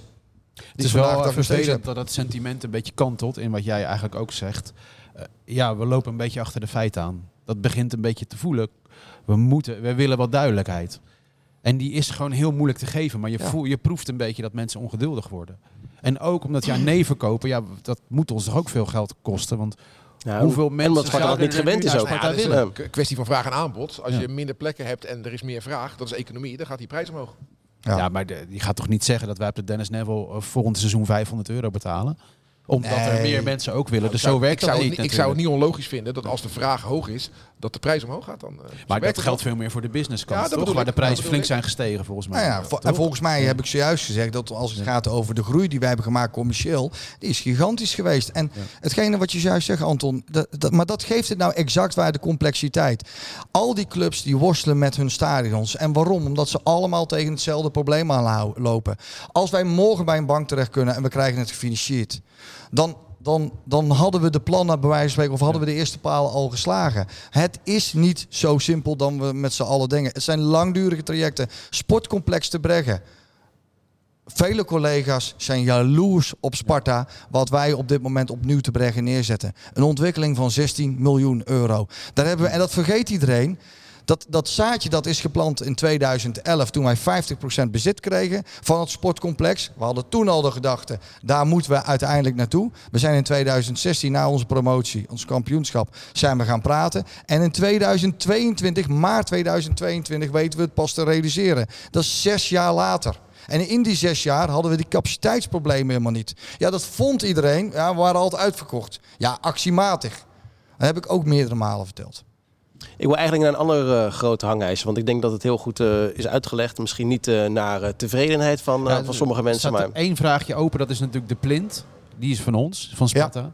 Maar die staat toch leeg, zeker aan één kant. Hey, die plint, hè, de commerciële ruimte, die hebben we in 2018 gekocht. Die zijn essentieel geweest hè, in het verhaal wat ik zojuist hou van je eigen toekomst kunnen bepalen.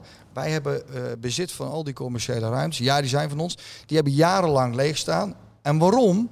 Omdat we, we hadden het geld niet. Komt hij weer, geld is toch altijd wel een bepalende factor. We hadden het geld niet. Maar wij wilden naar publieksfaciliteitenverbeteringen toe. Toiletten en eh, de catering. Dat hebben we de afgelopen jaren gerealiseerd.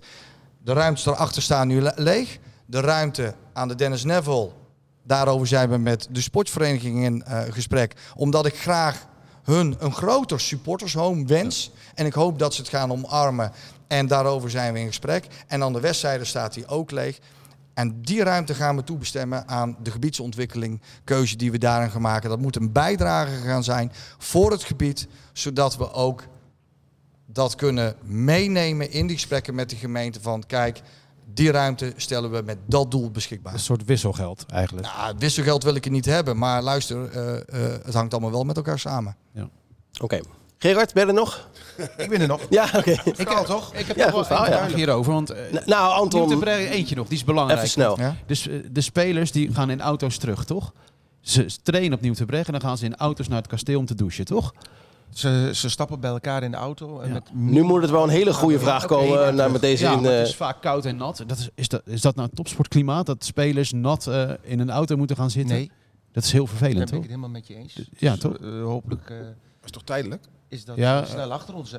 Eh, Hoe lang eh, moeten we nog op wachten? Die, die herfst gaan we niet halen natuurlijk. Ze zijn er heel, eh, heel Ja. druk mee. En eh, er zal een moment komen dat het, eh, dat het klaar is. En dan gaan wij eh gierende banden eh, het gebouw in. Ben je wel eens geweest op te breggen? Nee. Nee, serieus? Ja, honderd keer, maar niet nu het er nu uitziet. Nou, kom eens kijken. Ik was, zaterdag, ik was zaterdag bij de Ja. amateurs die speelden tegen Tenneuzense Boys. Wonnen met 3-1. En dan loop, kan je gewoon even een rondje lopen. Dan zie je hoe het er nu voor staat. Best grappig om te zien. Ik neem aan om het gebouw heen. Ja, ik ben Ik maakte wel even zo. Maar als ik echt mijn best doe, krijg ik die sleutel wel hoor. Gerard, Gerard, Ge- nee, Anton, Anton. Ge- eh, deze is voor Gerard. Eh, voor het eerst sinds jaren, weer een vraag van Aad. eh, zit er geen eigen jeugd in het basisteam bij de eerste 15, 16 spelers. De jeugdopleiding levert nog niet eens een links- of rechtsback op. Heeft de heer Nijkamp het idee dat het de komende jaren wel gaat gebeuren? Want anders heeft in mijn ogen niet zoveel zin om ieder jaar anderhalf miljoen in de jeugdopleiding te steken. Terwijl er niets uitkomt, behalve dat ieder jaar drie goede spelers van onder de 16 naar Ajax vertrekken. Ik denk dat het inmiddels meer dan anderhalf miljoen is trouwens. Nou, deze meneer eh, Je, zit... je wordt eh, geknikt hè? Ja, dat is al meer. Ja. Het is meer. Dus, ehm, Eens. nou ja, goed, kijk, het, het verhaal is, als je heel, het heel goed doet met je eerste elftal, wat op dit moment het geval is, dan eh, wordt de uitdaging groter voor jonge talenten om eh, daarbij aan te haken. Eh, wij zijn elke dag daar op het trainingsveld. Kijken we daarnaar en proberen we een situatie te creëren dat we jonge talenten, want het is een doelstelling van onze club, om jonge talenten, eigen opgeleide spelers, kansen te geven. Mits goed genoeg. Eh, eh, dat we eh, proberen, nou, dat hebben we in de window gedaan, naar de selectie te kijken. Kijk, we hebben net Rosanus benoemd, Sergi, langdurig geblesseerd. Ik heb al een aantal mogelijkheden gehad om die positie in te vullen met een andere jongen van buiten. Bespreken we met staf, scouting en ikzelf. En we komen tot de co- conclusie, gaan we niet doen. Want we hebben Dylan van Wageningen in, eh, in jong spelen. Heb ik een contract vorig jaar gegeven. Die gewoon daarachter moet gaan zitten. Achter Said eh, Bakari. Nou, dat is een voorbeeld van dat we proberen wel jonge talenten eh, aan te laten sluiten. En dan gaat het om het jonge talent zelf op enig moment. Om ook zijn kans te pakken. Zoals bijvoorbeeld Rick Meijzen afgelopen eh, zondag deed. Om eh, de positie van eh, Bart Vriends in te nemen. En als, als Manfred nu zegt dat we binnen twee jaar plannen hebben, wat durf jij te zeggen over hoeveel jaar hebben wij een substantieel deel van de selectie ingevuld door jeugdspelers? Want dat is Nou, een proces, dat snap ik. In, in, in, straks in ons nieuwe complex gaan wordt ook een hele, hele belangrijke. En eh, we, moeten gewoon ervoor zorgen dat we ons niet vastzetten met alleen maar spelers van buiten, zodat het eh, een te grote beperking geeft voor onze eigen opgeleide spelers om in te komen. We moeten ook nog een verdiepingsslag maken, een ontwikkelingsslag maken binnen onze jeugdopleiding. Ehm, binnen de mogelijkheden die er altijd zijn geweest, eh, heeft Sparta dat echt heel goed gedaan. Alleen nu wordt er ook iets meer gevraagd voor talenten om de volgende stap eh, te zetten. Zeg van part-time naar fulltime eh, opleiding. Die mogelijkheid die hebben we eh, straks eh, eh, op nieuw, eh, te brengen. Nou, dan komt eh, de, de, de situatie dat we jongens dan ook kansen moeten gaan geven. Nogmaals, mits goed genoeg, mits de ontwikkeling daar is. Zonder naam te noemen, want dat ga je toch niet doen, denk ik. Maar zie jij eh, een aantal pareltjes lopen in de, eh, in de jeugd die, waarvan je denkt, nou, binnen drie jaar zitten er heus wel één of twee in de basis dan wel? Nou, je, je ziet gewoon dat een aantal jongens zich best wel goed eh, eh, ontwikkelen. En, en daarin eh, op, zelfs al op jong Sparta-niveau zich laten zien. Jesse Bal, om maar zijn speler te noemen. Ze komt vanaf de linkerkant, maar kan ook in de spits spelen. Dylan van der Wageningen ontwikkelt zich goed. Juxel is een jongen die we hebben we al gezien, hè? Viel in tegen. NEC. ja, afgelopen periode hebben vastgelegd. Nou, dat zijn echt jongens die zich goed ontwikkelen. Maar er zijn er meer. Kijk jij dieper? Kijk jij verder dan Jong Sparta of laat je dat aan anderen over? Sta je zelf wel eens op zaterdagmiddag langs de kant? Ja, bij bij eh, de onder 14, 16. Nou, dat, eh, dat is eh, een, een, een- lastige op dit moment met de werkzaamheden die, eh, die er zijn. Maar uiteraard eh, heb ik daar wel eh, hoofdopleidingen ook, eh, ook Jesper die zich daar ja, in, in Duits eh, steeds, dat ze mij wel de juiste spelers aandragen die ik vervolgens dan wel ga kijken uiteraard. Voordat Ja. ik een speler een contract ga aanbieden, heb ik de speler eh, zien trainen, eh, wedstrijden zien pe- spelen. Maar ik, ik sta niet elke zaterdag de onder 14. te Wat doe je dan eigenlijk als je op zaterdag met Sparta bezig bent en je kijkt niet naar de onder 14? Wat, en Sparta speelt op zondag. Wat, wat doe je dan op, za- op zaterdag? Boodschappen. Dat is privé. eh. Nee, nee, als je met Wat Sparta bezig wat bent. doe jij hè? op de zaterdag als je hier niet werkt? Nou, als ik, nou, ik ben, eh, de- nee, ik ben de hele dag bij, eh, bij Ondo in Schavenzander, mijn korfbalclub. Ja. Dus dat is heel simpel. Dat is van 9 tot 9. Nee, maar vergeet niet dat je ook veel onderweg, eh, onderweg bent. dat je dingen aan het voorbereiden bent. eh, dat je focus hebt op, eh, op bepaalde taken. Dus, eh, Maar je gaat ook wel eens eh, ergens bij ja, scouten en nee, zo, toch? Ja. we kijken ook alweer naar volgend seizoen, hè? Dus we kijken ook eh, in de KKD-wedstrijden en eh, op eredivisieniveau zelfs. Manfred zit zo een beetje mee, eh, mee te kijken naar de volgende vraag. Die is Nee. inderdaad eh, voor jou. Oh. Lorenzo en Damien hebben dezelfde vraag. Eh, is Sparta bezig of is het een idee om een platform te creëren voor de mensen die hun seizoenskaart eenmalig te koop willen zetten aan niet-seizoenskaarthouders voor het geval zij zelf niet Ja. kunnen? Eh, ja, secondary ticketing noemen we dat. Eh, ja, dat is ons bekend. Al enige tijd moet ik zeggen. We hebben dat wel een tijdje aangekeken bij andere clubs. Nou, Ajax doet het, hè, geloof ik. Ja, Ajax, maar ik begreep ook PSV. Maar goed, misschien, eh, ik zie iemand knikken in mijn ooghoek. Dus ja, dat heb ik goed eh, onthouden. Maar eh, dat heeft wel te maken met de, de, de, de, de, de, technische mogelijkheden van je systeem.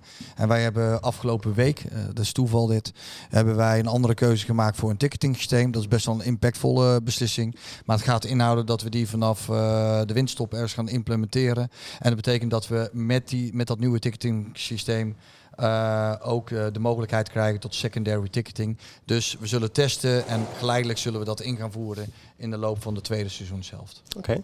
Dirk van den Berg, zijn de Sparta-directeuren niet geschokt dat trainer Stijn vorig jaar zijn tweelingbroer gestuurd, li- gestuurd lijkt te hebben? Jij wil een lompe vraag. hè?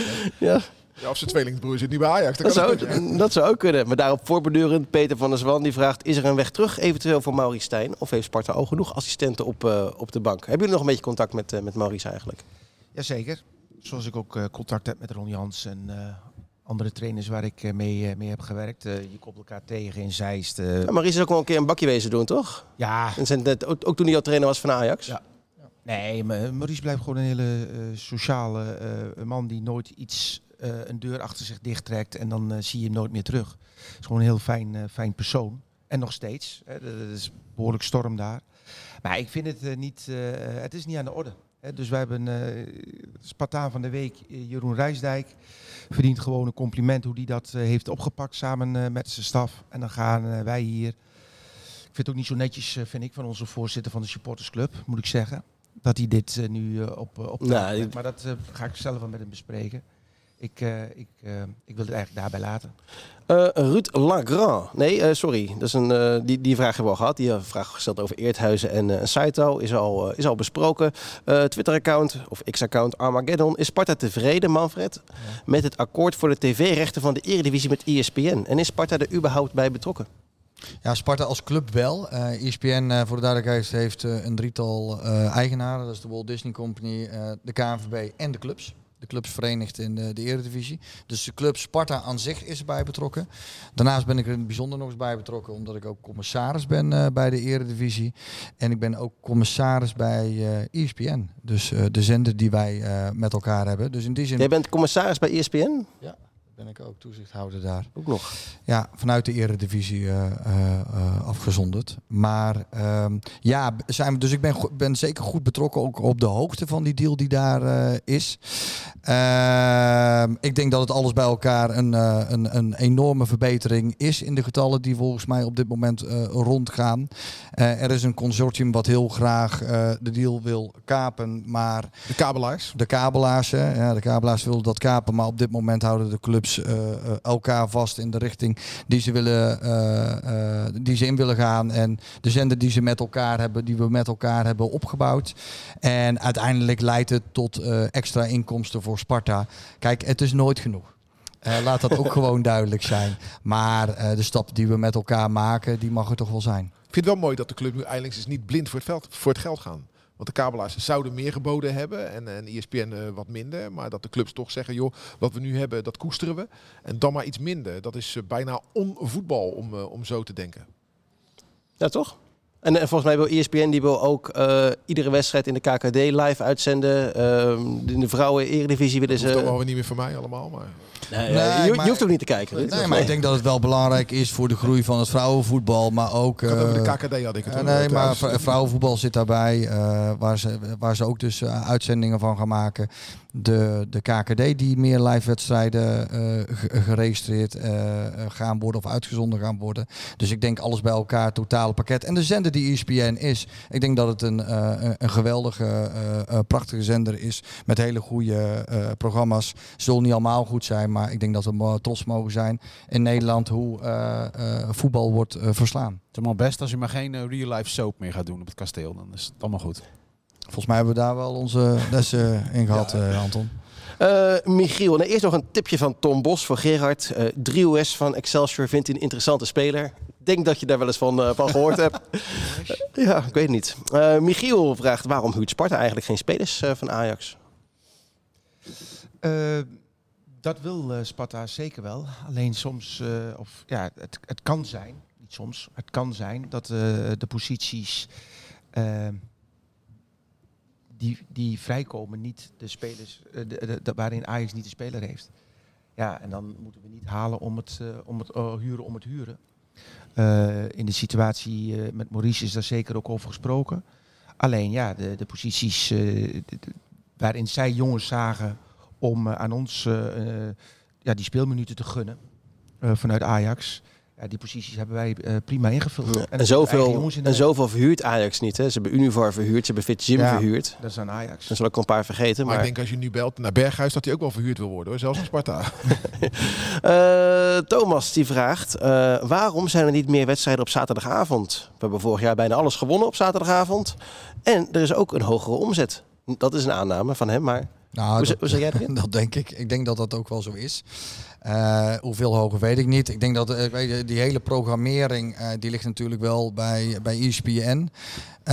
Maar daarnaast, dat heeft ook zeker wel te maken met de complexheid van het gehele eh, competitieprogramma. Ik heb wel eens begrepen dat er tussen de 800 en 900 knelpunten per jaar zijn om een competitieprogramma samen te stellen. En die knelpunten komen uit allerlei lokale driehoeken. Eh, ik weet bijvoorbeeld dat Ajax en Feyenoord mogen zich in een bepaalde lijn niet passeren bij een uit- of een thuiswedstrijd. Ehm, afgelopen jaar hebben we veel meer wedstrijden op zaterdag gespeeld. Er, worden, er dienen nog een aantal wedstrijden vastgesteld te worden. En eh, we gaan ervan uit dat daar ook een aantal avond bij eh, wedstrijden bij zullen zitten. Maar zondag is ons verzoek, toch? Zondag is ons verzoek. Ja, precies. Ja. Daar gaat het natuurlijk om. Maar dat was het vorig jaar ook, hè? zondag voetballen. Anton, dat was het vorig jaar ook. En je hebt gezien hoeveel wedstrijden er op zaterdagavond zijn geweest. Maar wat doe je dan met voortschrijdend inzicht? Want het waren magische avonden natuurlijk. En, eh, en het heeft ons ook punten opgeleverd volgens mij. Ja, maar je, weet je wat we ook zien? Er zijn ook wel eens discussies over de lege plekken in ons stadion. Wij weten met de avondwedstrijden, als we lege plekken hebben, dat kan door eh, supporters in de gracht zijn, maar dat, dat Ja. komt ook doordat eh, kinderen er dan heel vaak niet bij zijn. Dus eh, ja, en eh, eh, het is belangrijk om die jonge groep supporters ook bij de club betrokken te houden. Dus de zondagmiddag prevaleert. Met de wisseling naar enige avondwedstrijden. Vraag weer voor jou, Gerard. Gaat, is van Ricardo, gaat over Saito. Is er een mogelijkheid om hem definitief over te nemen van de Citigroup? Of eh moet de man hier naast mij dan wel heel erg veel geld vrijmaken? De enige kans is om eh eh, Koki Saito over te nemen van de Citygroep. Als de mannen van de Citygroep die dat bepalen, een avond de kroeg ingaan en de volgende dag niet precies weten wat ze aan het doen zijn. nou, dan moet je ze meenemen. Is dat een goed antwoord? Dat is een. Brouwershuis? Brouwershuis? Dus we zouden ze kunnen uitnodigen. Eh, en Die dan, mannen drinken geen alcohol, sta ik met een contract de volgende eh, dag. Nee, dat is onmogelijk. Dat is onmogelijk. Nee, duidelijk. Eh, dan heb ik nog de eentje, die kwam op het allerlaatste binnen. Ehm, Hans die wil graag vragen, kan de blessuretijd toegevoegd worden op het scorebord? Nou ja, neem het mee. Ik denk niet dat, het, dat je daar gelijk een antwoord op hebt. En reglementen staan er niet toe. Oh, Ja. nou, dat was gelijk een goed antwoord, eh, Hans. Dan heb, je, dan heb je die. En een vraag heel laat binnengekomen gisteren. Richard van Scherpenzeel. Eh, kan er prioriteit komen voor de geluidsinstallatie in het stadion? Dit is niet wenselijk voor de supporters, ook niet voor Jack Kriek, de stadionspeaker. Hij doet heel erg zijn best, maar eigenlijk hoor je er niet zoveel van. Hij is onderdeel van de verbetering van de supportersfaciliteiten. Eh, loopt al enige tijd, moet ik heel eerlijk zijn. Eh, we weten inmiddels wat het kost. En we zijn op dit moment eh, een extern bureau hebben we gisteren ingeschakeld. Zal ook toeval zijn, maar hebben we gisteren opdrachten aan verleend. Omdat, het klinkt heel flauw dit, maar onze brandmeldinstallatie en onze ontruimingsinstallatie wordt bij een aanpassing van deze installatie, die gaan dan onder andere normen vallen. Nou, er moet weer een plan voor komen en de brandweer moet uiteindelijk daar toestemming op geven. Als we eenmaal zover zijn, dan is er een financier inmiddels wel gevonden en dan zullen we een stap maken. Maar we moeten nog wel het een en ander doorlopen om dit gerealiseerd te krijgen. Dat waren alle kijkersvragen, jongens. Wat heb jij nog, Anton? Want eh, Op deze lange lijst. ja, heb je nog Ja, wat? we hebben ontzettend veel behandeld natuurlijk. Heb jij nog wat, Wat, Ruud? wat opviel was de Citigroup. Net viel het heel even. Maar eh, op ITWM wordt wel eens gemopperd over onze band met de Citigroup. Is die inniger geworden dan dat die, eh, dan die was toen jij kwam bij Sparta? En eh, hoezo? Waarom wordt er gemopperd Ja, dan? eh, het levert toch Nou, ook veel op? Ja, we hadden, het levert- het we hadden hadden niet willen hebben en verschuren. Vers- Hadden, zeker hadden we niet willen hebben. Nee. Met Tino. Maar hoe zit het? In de zin van, Ja. Heb je eh, zulke goede connecties daar dat we zulke goede voetballers kunnen halen? ja. Ja, En daar investeer, heb je ook in geïnvesteerd dan? nou In goed. Kroegbezoek. Er zijn verschillende belangen. En een belang is dat wij goede spelers eh, in onze selectie hebben. Die eh, ons op het niveau kunnen houden wat we graag willen. Ehm, daarin zit geen waarde. Dus eh Koki is, valt niet voor ons eh, vast, eh, vast te leggen. Maar gaat ons wel andere spelers helpen om die waarde te plussen. Ehm, dus de, dus en, en vanuit de City zoekt een, een podium, een platform, eredivisie. En in dit geval onze club, omdat daar de contacten zijn. Ik heb met Zwolle ook al met, met hun intensief gewerkt. Ehm, dus dat komt bij elkaar. Maar worden wij ooit onderdeel van de Citigroup? Nou, dat lijkt mij niet. En Volgens mij hebben we daar afspraken eh, over gemaakt. Niet volgens mij, er zijn afspraken over gemaakt. En dat hebben we ook wel eens uitgesproken. Dat eh, wij niet openstaan voor meerderheidsbelangen. En dan moet ik heel eerlijk zijn, dat staan we op dit moment. Er is een interview geweest in de Voetbal International, zit ik net te vertellen. Daar heb ik dat nog eens een keer heel nadrukkelijk gemaakt. Eh, maar we moeten wel ten alle tijde onze concurrentiepositie bewaken. En daarmee bedoel ik te zeggen, als in de toekomst blijkt dat de gehele Eredivisie naar eh, eigenaarsmodel gaan, dan is het op een moment ook niet meer te houden, kijkend naar de concurrentiepositie die je in moet blijven nemen. Dus dat is een kleine nuance die ik maak, maar vooralsnog nee. Gaan we, gaan we, we gaan voorspellen. De glazen bol. Jongens, jullie hebben weer punten gescoord. Ja, zeker. De stand was eh 5 voor Ruud, 3 voor mij, 1 voor Anton. Ruud had eh 2-1 eh, winst. Puntje erbij wel van Lauritsen tegen eh, Vitesse. Jij had eh, 3-0. En Ja. Verschuren. Zonder VAR had ik gelijk. Dus uitstekend, eh, uitstekend gedaan. Dat betekent, ik heb een foutje bij mijn berekening gemaakt, eh, dat wij nu eh, op gelijke hoogte staan. Allebei drie punten. En Ruud eh, gaat eh, nog steeds aan kop. Uiteraard. Ja, snap ik. De directeur moet je altijd laten winnen in deze. Ja, ik, heb, ik, heb, Jullie wel, hè? ik, ik heb vorig jaar gewonnen, maar ik heb nog niks gezien. eh. Heb je Dus, alleen maar last van gehad? ik heb alleen maar last van gehad. Eh, Excelsior Sparta. Wie, wie trapt af? Klinkende zegen. Van hoeveel? 0-2. 0-2. Doe maar. Ja, we hebben de VAR tegen. Eh Koki Saito. Saito. Ja. Ruud. 2-3. 2-3. Een beetje ouderwets. 3 OS. Driehoes. Gerard, wil je ook meedoen? Ik wil altijd wel meedoen, ik vind het altijd wel leuk. 1-3, 1-3. Doe het van? Lauritsen. En jij... eh Ik sluit me bij Gerard aan. Nee, kom op, niet zo flauw. 1-2. 1-2. We beginnen met Lauritsen. Nou, dan eh, ga ik... eh, nou, ik wilde inderdaad... Ik, eh, ik ga met de directeur mee. Met jou. Ik zeg ook 1-2 Lauritsen. Zijn Dat zou er? heel fijn zijn voor Laurits. Ja, toch? Ja, En belangrijk. absoluut. Absoluut. En belangrijk. Anders komt AD weer met een stuk, hè? Die niet scoort. Alle dingen... Ik, Ja, dat, eh, vind ik leuk. Dat vind ik leuk. Dan reken je mee, ik lees alles. Dus Ja, dat lijkt ja. En je luistert alles. ik luister heel veel en Ja. ik, eh, ik lees ook veel. Ja, je zei, maar dan zei je, we stonden laatst eh, te praten na een wedstrijd. Voor mij was het eh Feyenoord-Sparta. Of Sparta-Feyenoord. En toen zei je, ja, ik luister, maar eigenlijk alleen maar werkgerelateerd. Doe dan niet alsof je het niet leuk vindt, dit. Nee, ik, Op de fiets. Oh, dat, dat, dat ook zeker. Maar je probeert vanuit je werk dingen Ja. mee te nemen waar je dan eh, weer wat eh, mee kunt doen. Wil je nog wat kwijt, zo in de laatste tien minuten van deze, van deze podcast? Nee, ik Nee? denk dat er Heb je- heb je alles gezegd? eh, ik, voor mijn gevoel wel. Ja. Als er niet meer vragen zijn, dan... Heb jij nog... eh, Ja, ja, ik wil wel iets benoemen. Hè. We hebben het altijd hier eh, over eh, de wedstrijden. We hebben het over de, de wedstrijden die komen gaan, de wedstrijden die geweest zijn. Maar we hebben het ook vooral over de club. En over de mensen die de club maken. En een van die mensen die de club maakt is een supporter, Hans Schoffermeer. Die is overleden. En eh, dat is iemand die ik goed ken. Ja, moet nu zeggen kende. uh-huh. En ik wil dat niet, eh, ik wil dat niet, niet melden in deze podcast. Dus een man die jarenlang eh, in eh, Bad West eh, met de scepter zwaaide. Als, eh, noem maar even de beheerder van de, van de sporthal. Schuine streep badmeester. Gouden vent. Altijd donkerbruin. Want Hoek van Holland was zijn favoriete plek om, om te verblijven. Maar ook altijd iemand die ondanks zijn ziekte heel vaak op het kasteel te vinden was. En daar helaas nooit meer zal zijn. En eh, ik wil zijn familie en zijn vrouw Jopie eh, ja, heel veel sterkte wensen. Mooi. Wil jij nog wat zeggen, maar Manfred? Wil je nog wel ergens op reageren? Nou, ik Je wil wel- stadionverhaal was wel duidelijk, denk ik. Ja, absoluut. Nee, Ja, dat ja, dat je ik. op geoefend, hè? Nee, nee, ik heb helemaal niet op geoefend. Maar eh, ik had hem wel verwacht, die vraag. Nee, ik wil op, op twee dingen toch wel terugkomen. En dat is, eh, ik hou wel van, van, van, van duidelijk zijn. En als ik vind dat ik dat niet duidelijk genoeg ben geweest, dan, eh, dan, dan haal ik het gewoon nog een keer terug. Bekertjes, nogmaals, ik wil daar maar heel duidelijk in zijn. Ik zat gisteren met de veiligheid en toen zag ik, we hadden het zojuist over een bekertje wat in het veld valt en een bekertje wat in het veld vliegt. En ik zag afgelopen wedstrijd zag ik iemand eh, vanuit de hoek van de kasteeltribune die terugvalt daar zo. Zag ik weer iemand zijn uiterste best doen achter eh, een persoon een bekertje eh, eh, 5, 6, 7, 8 meter ver zien gooien. Dat soort excessen, daar ben ik flink tegen. En dat gaan we aanpakken. Dat is één. En als tweede, Ruud had het zojuist even over de jeugdopleiding. En wat die kost, ja, die is meer gaan kosten.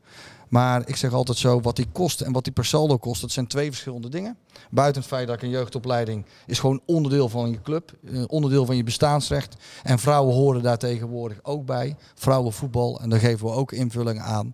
Maar de kosten van onze jeugdopleiding, eh, die zijn per saldo, dat zijn de kosten minus de opbrengsten die daarmee gepaard gaan, zijn 1,1 miljoen euro. En dan gaat nog eens een keer 600.000 euro af. En dat weet ik omdat ik de jaarrekening toevallig aan het maken ben. En dat wil ik dan toch benoemd hebben. Voordat we weer een hele discussie gaan krijgen van joh, wat de jeugdopleiding wel niet kost. En wat dat zou betekenen als je dat hele bedrag gaat toevoegen aan je spelersbudget. Enkel een verduidelijking, maar eh, vind ik wel prettig. Ja, een paar weken geleden zei Anton hier, eh, die noemde jou als eventuele opvolger van Alex Kroes bij AZ. Nou, dat lijkt me niet aan de orde, hè, want dat is meer voetbal, eh, voetbalzaken. En volgens mij heb jij van heel veel dingen verstand, eh, Behalve van voetbal. maar iets minder van voetbal dan van financiën. Is iedere week in het Ja, stadion. ja, maar daarvoor- ben ik- maar- Absoluut niet mee Dankjewel. eens. Dankjewel. Nee, bent niet Absoluut meer- niet mee eens. Nee, heeft, hij- Ik heeft heb hij wel mijn mening overigens. Ja, en die, nou, die graag. vertel ik me na, voornamelijk aan Gerard. En die is het eh, Moet kijken waar we nu staan. wel eens met me eens. Maar, eh, Maar ben je ook echt voetbal? Ben je, ben je ook echt de man die uiteindelijk over het voetbal gaat? Nee, toch? Nee, Nee, precies. eh, Gerard is eindverantwoordelijk. Ik wilde er naartoe Maar namelijk. ik ben wel van- zeer betrokken. Nou, dat, eh, dat lijkt me wel. dat Lijkt me wel. Ja. Maar kijk, we weten normaal gesproken, Gerard die zit niet, niet acht jaar bij, bij Sparta normaal gesproken. Zeker niet als het nu zo goed gaat. Dan zou je ook een keer een stap gaan maken. Maar jij zit al zo lang bij Sparta. Ja. Heb jij, wat, wat wil jij uiteindelijk? Ehm, ik eh, heb, had, nee, heb nog steeds de ambitie. Maar met name met, bij mijn terugkeur in 2009 had ik echt de ambitie, die is toen ook uitgesproken, om het trucje wat ik jaarlijks deed om binnen een club binnen te komen en aan de gang te gaan met de problematiek die er op dat moment was. Die was er ook in 2003 toen ik voor de eerste keer binnenkwam. Eh, om daar nu eens mee te stoppen. En ik wilde heel graag doorbouwen aan de club. En de club naar een volgende fase brengen. En eh, in mijn beleving zijn we heel goed op weg eh, daarin. En dat zijn eh, eh, meerdere onderdelen. En die ambitie wordt dan steeds eh, verder opgerekt. En de volgende ambitie die ik heel graag bij Sparta wil bewerkstelligen. En wat mij betreft met Gerard. En dat is nogal een lange termijn ambitie, eh, Gerard, eh, wat mij betreft. Ja, moet ik weg zijn. Nee, maar het stadion, nee, maar een stadion echt naar eh, misschien wel 16.000 mensen eh, capaciteit brengen. Dat is in fases, laat dat ook duidelijk zijn. Dus ik zei van lange termijn 16.000. Op korte termijn moeten we zo snel mogelijk naar eh, capaciteitsuitbreiding gaan. Dat wordt al een hell eh, of a job, een enorme klus. Maar eh, dat is de volgende ambitie waar ik ontzettend veel zin in heb. En wat mij op dit moment bij deze club houdt. Zo. Maar als AZ belt, dan... Dat is toch de vraag. Je zult toch wel gebeld worden? Eh, Af en toe. ja, Natuurlijk wordt er wel eens uh, naar gevraagd. Uh, niet in de zin van uh, heb je interesse om nu te komen. Maar er wordt natuurlijk wel eens op ingespeeld. Maar ik ben daar niet zo gevoelig voor. Ik heb het ontzettend naar mijn zin in Rotterdam. Bij deze club. Met de mensen in die club. Want die maken uiteindelijk die club. het karakter wat da daarbij past. En de ambities en de doelstellingen die ik met deze. En de kansen die ik met deze club op dit moment nog zie. Want wij hebben echt, wij uh, zijn echt de afgelopen jaren hebben we enorme sprongen gemaakt. Dat voelen we, dat zien we. Die club is echt, ik noem het altijd dikker dan ooit, groter dan ooit. Uh, dan, uh, en dat zien we op allerlei facetten. ik geniet elke keer weer in het stadion. En ik wil heel graag die volgende stap maken met Sparta, een groter kasteel. We begonnen met hem. Gaan we er ook mee eindigen? Want wat als Ajax belt? Ze zoeken iemand. dus het is niet gek dat ze kijken naar een succesvolle TD. Jij bent een succesvolle TD. Het is daar een enorme puinhoop, dus er ligt daar enorme werk. Ook voor mij liggen er heel veel uh, mogelijkheden nog binnen uh, deze mooie club. Uh, we hebben het ook wel over groeistuipen. wat we ook allemaal moeten managen. iedereen wil heel graag over het team hebben en over de individuele ontwikkeling. Wij praten vooral over de clubontwikkeling met z'n tweeën. En nemen daar ons management en de medewerkers in mee. En vergeet niet dat dat heel veel energie geeft. Dus ik denk helemaal niet aan iets wat er gebeurt buiten Sparta. Eh, want nu is het Ajax en de volgende keer is het een andere club. En dan zou elke keer doordat ik, wij het goed doen, zouden wij daar in, in beeld zijn. Dat geeft alleen maar onrust. En wij willen de focus hebben. Ik wil de focus hebben op deze mooie club. Dankjewel jongens. Dat was me waar genoegen, wederom. Anderhalf uur uh, bomen over, uh, over Sparta. Wanneer, uh, wanneer weer einde van het seizoen, hè? Een beetje de, de stilzwijgende afspraak. Volgens mij is dat de stilzwijgende afspraak. En, ja. Uh, wij schuiven graag aan. Wij ook, wij ook. Bedankt uh, voor jullie komst. Uh, volgende week ben ik er niet. Madrid uit, Atletico uit. Sorry. Sorry Spartanen, maar er komt een tijd dat Sparta ook wel Europees gaat spelen. Dus Anton, Ruud, dichterbij. bedankt. Het was zeer vermakelijk. Bedankt ook voor, voor, alle, voor alle vragen die zijn ingezonden en jullie voor de openheid van zaken een, uh, een hele mooie derby uh, gewenst. Uh, waar ga je? Is het gewoon uitvak? Of zit nee, je weer hoofdtribune? Ik zit ja. weer aan de kamer. Nou, ja. De meneer die alleen maar aan het afgeven is op, de, ja, op meneertje hoofdtribune zit zelf weer lekker te borrelen. steeds beter wennen. Nou hè, lekker. lekker. En jij zit lekker naast Daan Bovenberg gezellig te keuvelen. Ik zit naast Gerard. En, We zijn er. Dankjewel. Spartaan zijn wij geboren. Als Spartanen sterven wij in de geest van Bok de. Sparta naar voren! Deze podcast werd mede mogelijk gemaakt door Reisbureau Buitenlandse Zaken.